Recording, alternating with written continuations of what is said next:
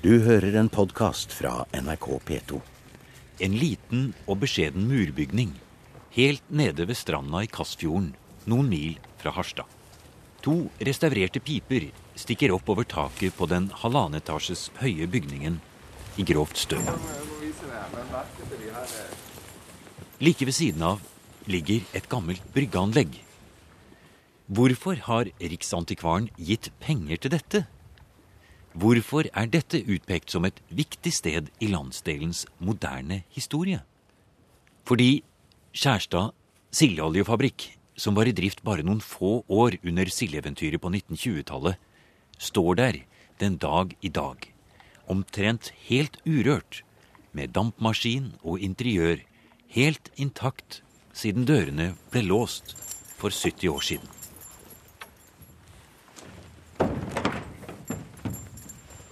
Direktøren på Trondernes distriktsmuseum, Ole Jakob Furseth, har med seg nøklene og skal snart låse opp for oss og ta oss med inn, som i en tidsmaskin, til en bit av industrihistorien, fiskerihistorien, og ikke minst gi oss et lite glimt av hvordan lokal tiltakslyst og initiativ var livsgrunnlaget for et hardt liv i de nordnorske fjordarmene i årene etter forrige århundreskifte. Ja, her kom eh, silda inn. Når man skjønte at silda var en eh, ressurs som man kunne utnytte til olje og mel, så eh, dukket det opp mange fabrikker rundt omkring. Og brygga som man hadde fra før, den ble da benyttet som mottakssted for, for silden inn til fabrikken. Og det du skal gjøre nå, det er å ta oss med inn i skal vi si, den, eh, den store Klondyke-perioden når det gjelder fiskeindustrien her i denne delen av eh, Nord-Norge. For vi er ikke så veldig langt ute fra Vesterålen. Det er ikke så fryktelig langt opp til Melbo f.eks., hvor eh, hele dette sildeoljeeventyret faktisk begynte. Ja, absolutt. Og det dukket opp eh, flere sildeoljefabrikker i området her. Kvæfjordfabrikker eh, rundt neset her og eh, inne i Harstad med Merkur fra 1918. Og så kom da, i 1922, så ble stiftet et selskap som het Skjærstad Sildoljefabrikk AS. Når man laget seg en liten fabrikk her i Kassfjorden. Ja. Fordi at det er jo også på en måte litt eh, tankevekkende det når vi kjører langs fjorden her og ser det ligger et fiskeoppdrett eh, der inne, og vi vet det er ikke så mye fiskemottak igjen. Det er vanskeligheter i fiskeindustrien i hele Nord-Norge. Det er en stor næring som har eh, problemer, kan man si. Men den gangen som dette ble bygd på 1920-tallet, da hadde man eh, store planer og forhåpninger, og pengene fosset inn. Ja, man hadde jo det. Og det ble bygd en fabrikk her, og man hadde et, en infrastruktur fra før. Gården var stor, veldrevet og titalls mennesker i husholdningen. Man hadde egen eh, fraktebåt, dampdrevet fraktebåt, og man drev ganske stort. Så dette var en, nok en tilskudd på stammen for å få det helt til å bære seg. Og det er klart at det ble jo også den gangen problemer. og ressursene tok slutt, og for å gå allerede dit, så ble det varte jo ikke lenge dette lille eventyret her på Skjærstad.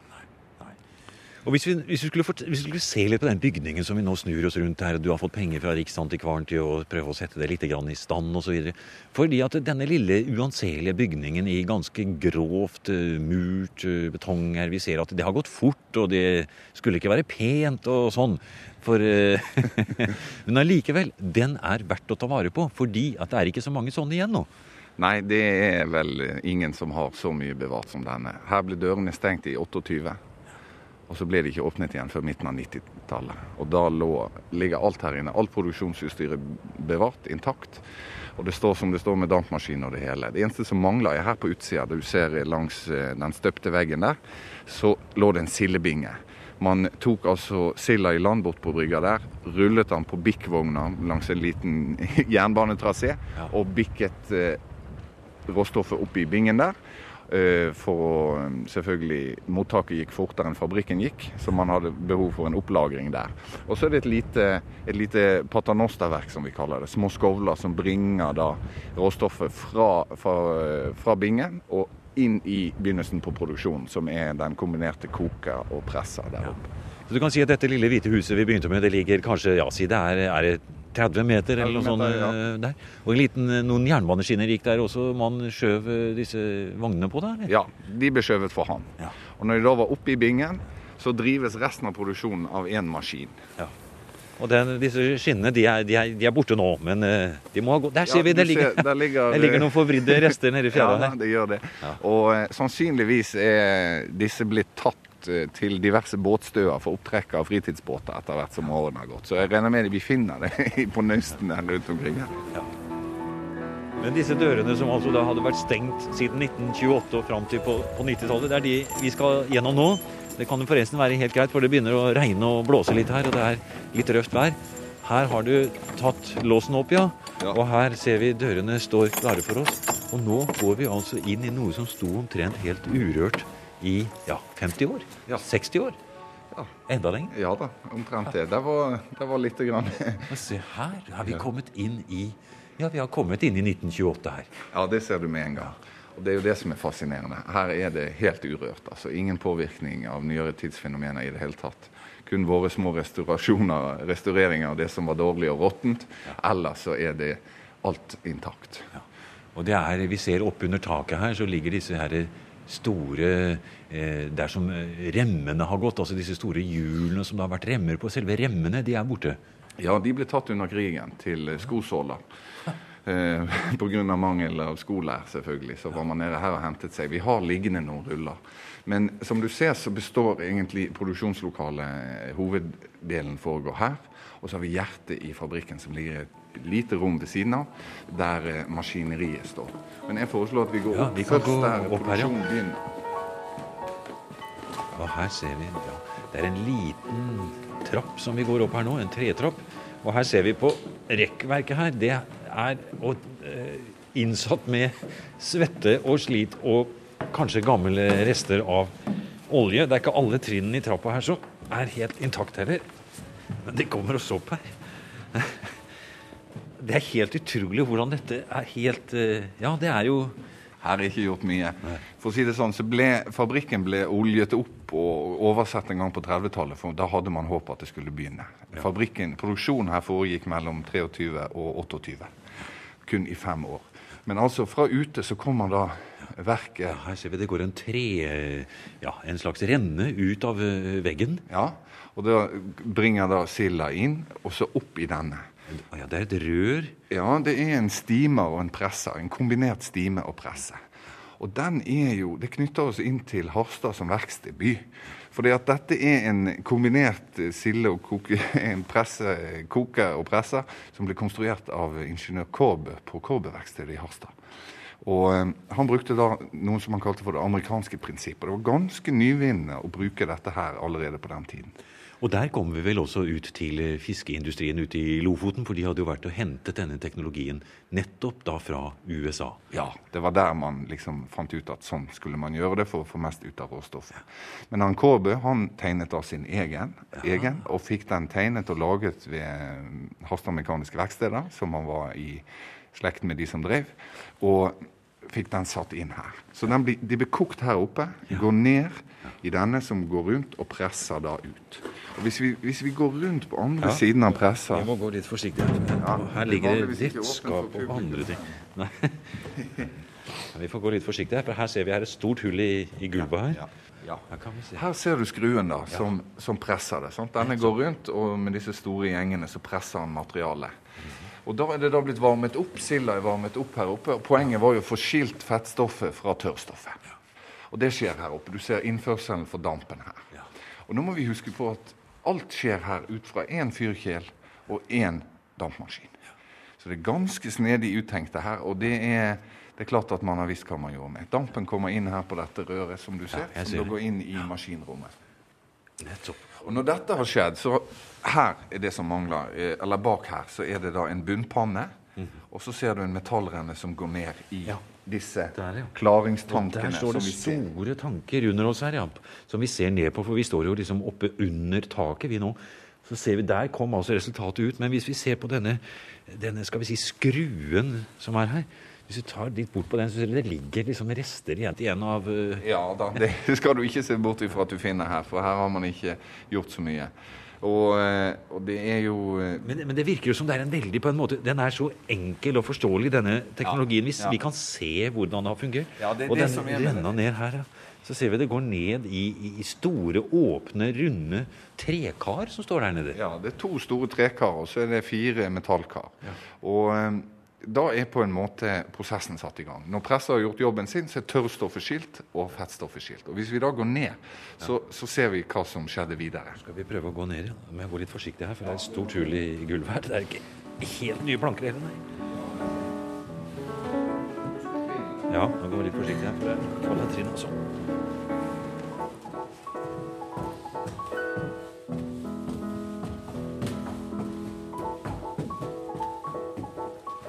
kommet ned i, i på, på, på gulvet. Og under, nå har vi altså over oss nå så står denne spesielle maskinen da, som tok imot uh, silda og, og, og, og presset det sammen og varmet det opp. da.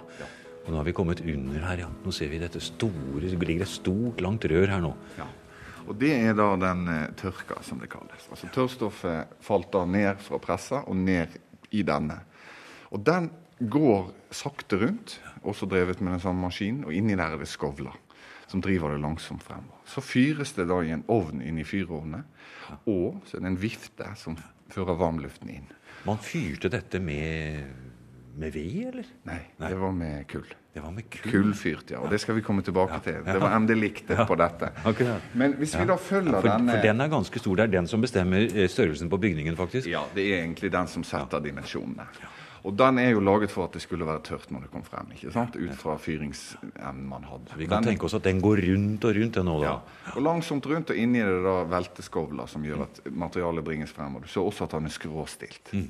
Så går det bort i Når det kommer her kommer borte, bort, ja. i enden av ja. anlegget, så kommer det da Her, ut her. Og det som var finsiktet nok, det gikk jo da igjennom og kommer ned i denne enkelt utformet tretrakten som står i fin arbeidshøyde, og så satte man en sekk under. Nettopp. Og Og der var fikk melet man mel ferdig, ja. ja. Men så var man jo selvfølgelig eh, Man hadde næringsvett. Så det som er for grovt, Mm. skal du se Det vil da bli skilt ut her. I Ja. en betydelig mindre renne. Gå ned og komme inn i en liten knuser her nede. Som da har rennet ned igjen til den samme. Nei, ja, så Og blir bringe det opp opp igjen, ja. ja. Og- Her skulle alt ha svaret på, ja. Så blir knust på nytt, tatt opp igjen, siktet og ut. Og i sekk. Og da er egentlig tørrstoffet ferdig. Mm. Da var det pakket i sekk, og, sekk, og, og sildemelet var klart. Mm. Ja. Men altså da på 1920-tallet, 1922, hvor dette her 22-23, når dette begynner, så går det altså denne her intrikate, morsomme maskinen som vi ser her, og som står helt urørt, den går bare i fem år. ja, han gjør det. Og det hadde med to ting å gjøre. Silda var jo uforutsigbar. Og man leverte der den var nærmest hele tiden. Og um, dette hadde vært en god sildefjord, og man skjønte ikke helt dette med fjordsild og, og, og havsild, på en måte. Forskjellen på dette. Så man, eh, man opplevde litt ressurssvikt, men kullprisene steg. I 28 får vi krakket i børsen i New York og får effekter utover hele verden. Og blant de tingene som skjedde, var at kullprisen steg. Da kunne det faktisk ikke lenger svare seg å drive her. Men man hadde håpet fortsatt.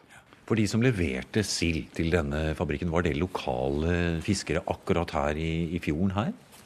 Ja, det var det. Og uh, man satset jo på å få inn det som var uh, i nærheten her. Og dette var jo et kappløp, da. Å få tak i råstoffet og finne ut hvor silda kom.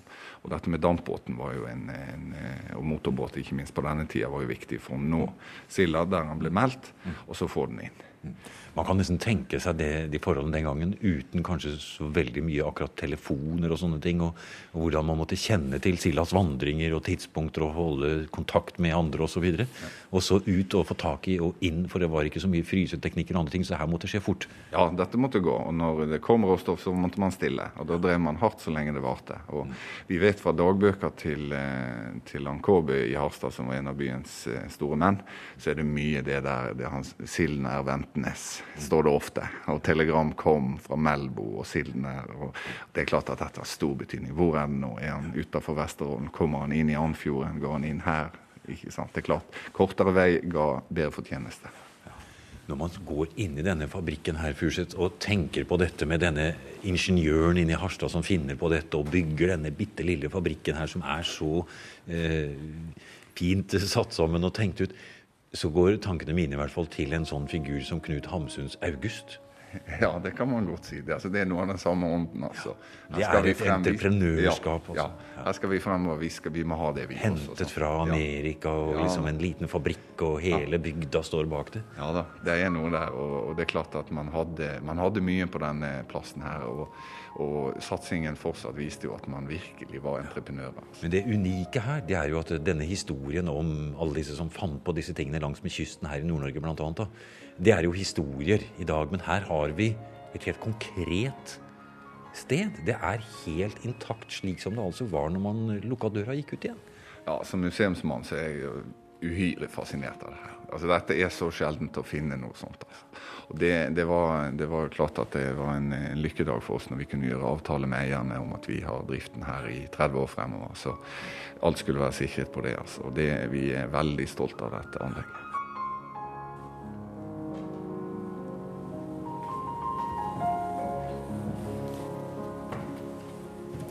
Skal vi gå inn i det siste rommet her også. Vi, det er en dør her som vi går igjennom. Og her ser vi det er en sånn luke i døra her som man kan lukke opp på igjen.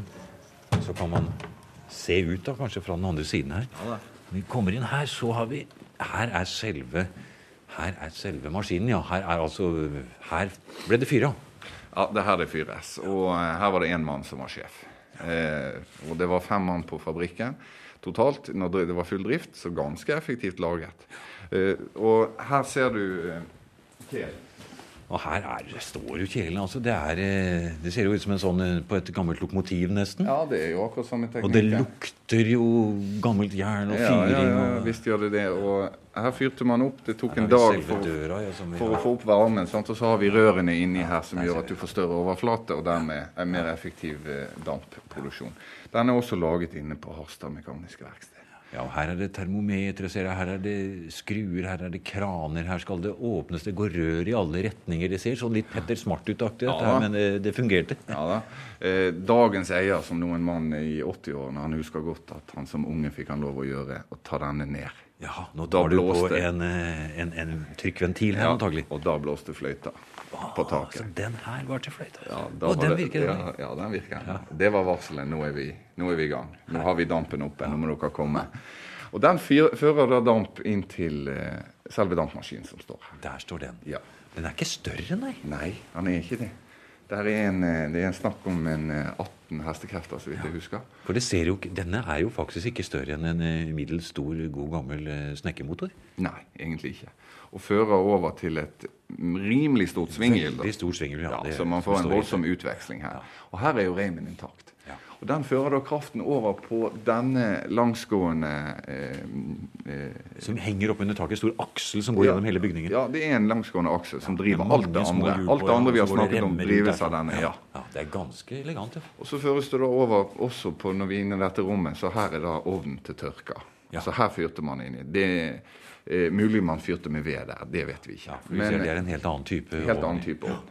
Så er det jo liksom ganske fascinerende her, for når vi bare snur oss litt, så er vi nå helt borte her ved benken til altså Her er, ja. her er altså da arbeidsbenken til eh, han som har eh, vært sjef her, da. Ja, da. Og her ligger jo tingene ut. Her er det skruer, her er det ja, bolter, reservedeler. Her er deler til ja. Paternoster-verket. Ja, en tvinge som står der. ligger en rull med ekstra remmer til okslingen. Her står det til og med en, en flaske her. Kanskje det var noe han hadde til lunsjen, holdt jeg på å si. Ja, hvem vet. Hvem vet, ja. Det ser jo ut som han har gått ut herfra i går. Altså. Ja, det er det som er fascinerende. Her er det en kanne med olje, tenker jeg. Står på den, ja, Shell. Motorsylinder olje med I. Norsk-engelsk mineraloljeaksjeselskap, ja. Nei, det er ingenting som er, ingenting som er rørt der. Det, det, står bare sånn inntil veggen. Det er liksom, den sto der og sto der. Ja, Vi har ikke rørt noe. Vi syns at det skal se sånn ut. For det er noe av opplevelsen å komme hit. Å gå inn akkurat så og se sånn som det var. Og vi vi, vi, eh, vi, vet jo at under krigen så bodde det franske fremmedlegionærer her. De ble innkvartert her. Det ble jo landsatt både polske, engelske og franske styrker i Harstad under krigen.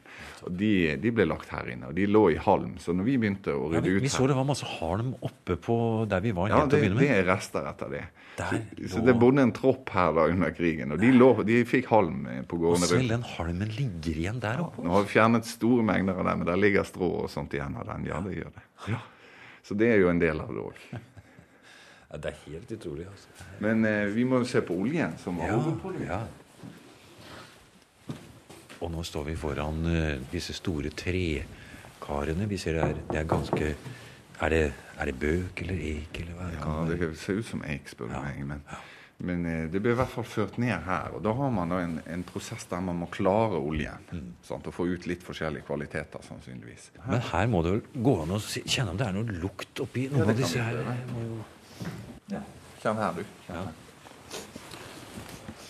Det lukter jo rett og slett sildeolje. Ja, det gjør det. Det er altså det. Og her ser du, her står stokkene man har rørt med. Ja, se der. Og se på den. Den er fullt av noe sånn belegg på den, ser du. Så det er vel rett og slett Den har vi stått og rørt med. Ja. Det, det står oppi her. Det Det er, står nøyaktig som det. det er utrolig. Jeg begynner faktisk å tro på deg nå, Furseth, når du sa det at døra ble låst i 1928 og ikke øh, åpnet igjen omtrent da, før på 1990-tallet. Bortsett fra krigsepisoden, da. Ja, ja det er helt sant. Og det ser sånn ut. Altså, har du sett på maken? Ja. Utrolig. Her kan vi se også det er lagvise avsetninger da inni denne tanken, eller den trekaret som vi står ved siden av her nå. Vi ser at eh, det har stått stille lenge på forskjellige nivåer, tydeligvis, inni der. Ja, det er en prosess som tar litt tid. sant? Bunnstoffet skal synke, og så skal man dekantere det videre. Så disse her er da regulerbare i, i opp- og nedretning. Skråskåret metallrør som gjør at du da kan tappe ned, og ikke tappe fra bunnen. Det er som enhver hjemmevinlegger vil kjenne igjen. Du skal ikke ha med bunnslaget. Så, men lukten er helt karakteristisk her oppe. det er klart. altså. Det er helt kjempefint, altså. Og så til slutt så blir det da ført opp i Her, når vi kommer bortover alle disse tankene, så er det én stor tank som står eh, til slutt her, da. Ja. Og den er stor og rød og klinknaglet eh, med plater. Og det var da oppsamlingstanken. Og ut fra den så kan man da på baksiden her eh, tappe ut eh, oljen. Her. Og eh, den ble da tappet på eiketønner. Og ja, ført vekk. Her ser vi et, eh, her ser vi et eh, stort bilde som dere har hengt opp akkurat i inngangspartiet her. Det er vel det eneste som minner om at dette er et eh, museumsanlegg, faktisk. At det står noen små plansjer på veggen her. Ja, vi har, vært, vi har vært veldig forsiktige med å gjøre noe her. Vi kommer ikke til å legge inn lys her. Det hadde man ikke. Man hadde en, en gasslampe inne hos fyrbøteren. Den har vi på et magasin nå. Eh, henges opp i sesongen. Det er fantastisk når vi står og ser på dette bildet her fra 1930 som det er tatt av. Hvor man ser denne, en lang hesje som står der. Man ser at man utnytter alt. Her eh, tar man vare på alt som man kan høste. Man setter sildesteng, man er ute med båter, man lager fabrikk. Man ser her eksempler på landbruk, fiske og industri på ett og samme anlegg. Ja, og en og samme eier og, og direktør, holdt jeg på å si. Og, og et stort hushold selvfølgelig som lå til grunn for det her. Jeg var jo over 20 mennesker i dette husholdet, så vidt vi vet. Og det, det betyr jo at det har vært eh, liv og røre. Og på denne lille turen her inni denne fantastiske gamle sildeoljefabrikken, så har du faktisk tatt oss gjennom en eh, hel epoke av skal vi si, industriens, eh, fiskeindustriens historie her i denne delen av Nord-Norge. Ja, Det er klart at dette har, eh, som du sier, det, altså, landsdelsmessig med silden og den betydningen det hadde, og industrireisningen. Verkstedindustrien i Harstad som vi kan knytte til det her.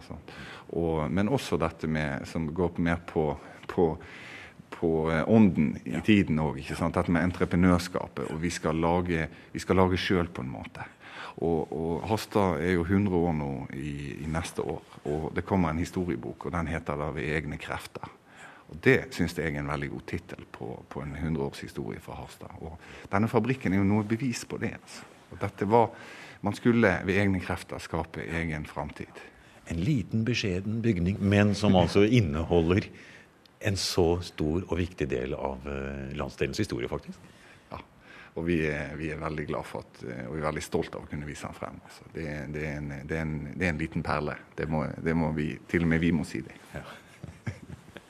Og dette er jo også så typisk for kan du si, næringslivet i hele landsdelen her. For det var ikke så veldig mange akkurat store sentre og fabrikker og industri osv. Det var denne type småskalaindustri og tiltak på hvert enkelt nes bortover som var på en måte det som uh, redda livet. Ja, det er klart det. Og uh, det er jo plasser i dag som uh, virker helt utenfor allfarvei, som var store plasser som er helt forlatt. Og det er klart at vi, vi, vi, står jo nettopp på en sånn plass. Man skulle jo ikke forvente å finne en fabrikk her når du ser på landskapet rundt. Det er plassert i et, et nordnorsk kulturlandskap som består av mindre gårder og uh, i bremmen mellom fjære og fjell. Du har nå hørt programmet Museum fra NRK P2 i en versjon uten musikk. Museum sendes hver lørdag klokken 16 og på søndag morgen klokken 8 i P2. Adressen er museum.krøllalfa.nrk.no, og museum er nå også på Facebook.